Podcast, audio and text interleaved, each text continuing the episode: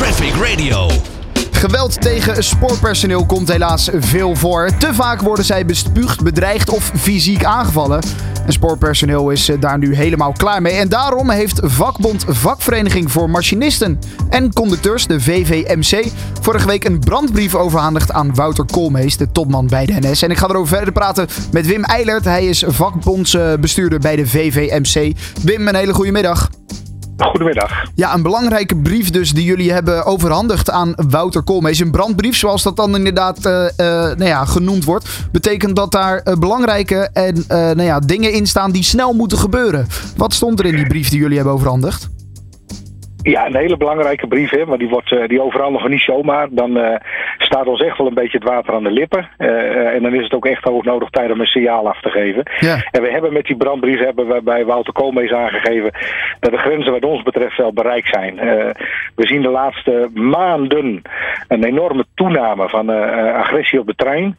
En dan heb ik het over dat, dat mensen bedreigd worden met messen, fysiek geweld. Ook het spugen uiteraard en, en, en het het schelden en noem maar op. Hè, wat men ook niet moet onderschatten, dat soort zaken. Ja. Maar vooral ook een toename van het fysieke geweld.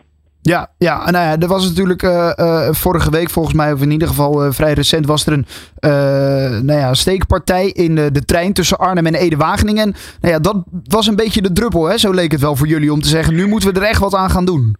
Ja, dat was ook inderdaad wel een beetje de druppel. En ook uh, uh, zeg maar waarom we die brandbrief ook geschreven hebben. Uh, er zijn twee groepen. Een groep Eritreërs en een groep Algerijnen zijn elkaar daar te lijf gegaan in de trein. In een rijdende trein wel te verstaan. Dus ja. je kunt ook echt geen kant op. Een levensgevaarlijke situatie. En die, hebben ze, die zijn dan met messen elkaar te, in de haren gevlogen.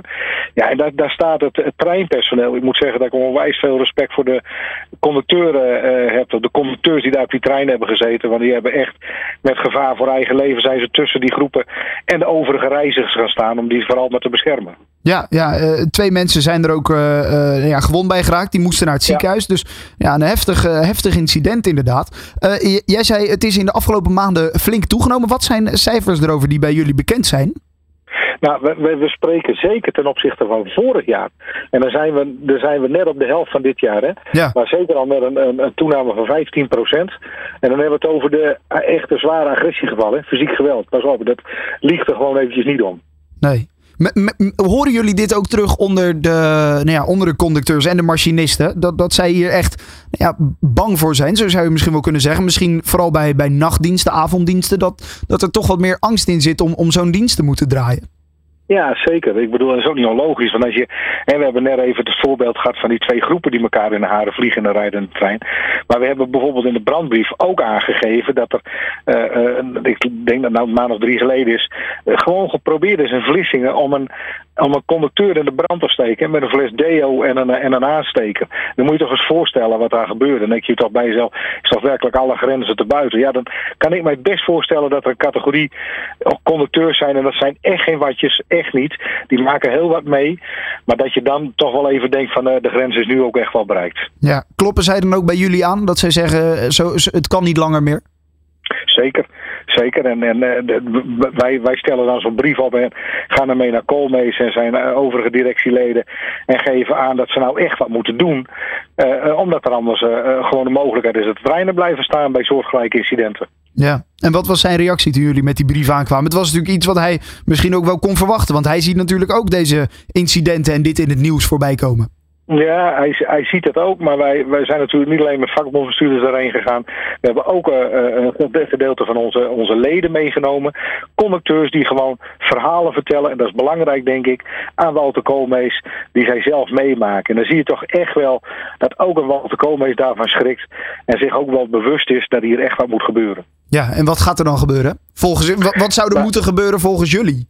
Ja, nou we hebben, we hebben om twee even twee hoofdlijnen meegegeven. Waarvan we hebben gezegd van nou, moet luisteren, uh, ga dat regelen in Den Haag. Want uh, dat is natuurlijk een belangrijke partner.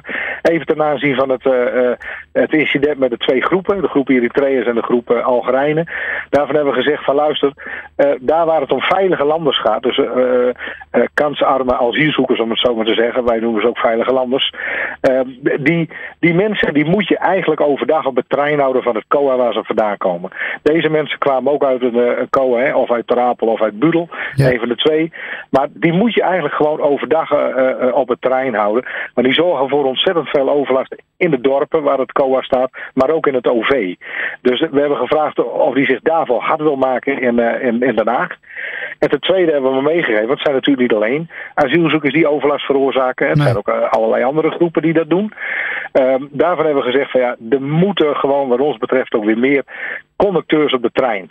Uh, nu zitten ze er af en toe met z'n tweeën op, soms alleen, uh, soms met een beveiligingsassistent.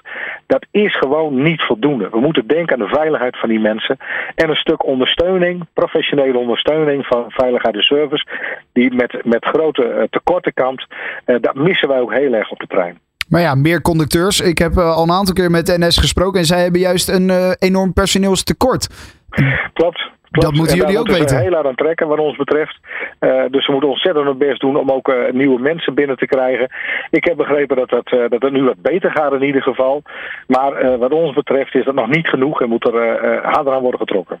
Oké, okay. en dat zijn jullie plannen dus. Heeft Wouter al, Wouter Koolmees al iets los kunnen laten over wat, wat hij ervan vindt en wat, wat hij hieraan wil gaan doen? Nou ja, hij was, hij was best wel beroerd. Ik zag het ook aan de verhalen. Hè, uh, want, want je krijgt natuurlijk ook direct van, uh, van conducteurs krijg je de verhalen te horen hoe zij af en toe met, met gevaar voor eigen leven werk moeten doen. Ja. En dat, ik zag dat hem dat wel wat deed. En hij heeft toch ons ook toegezegd om hier met die punten naar Den Haag te gaan en, en daar wat aan te doen.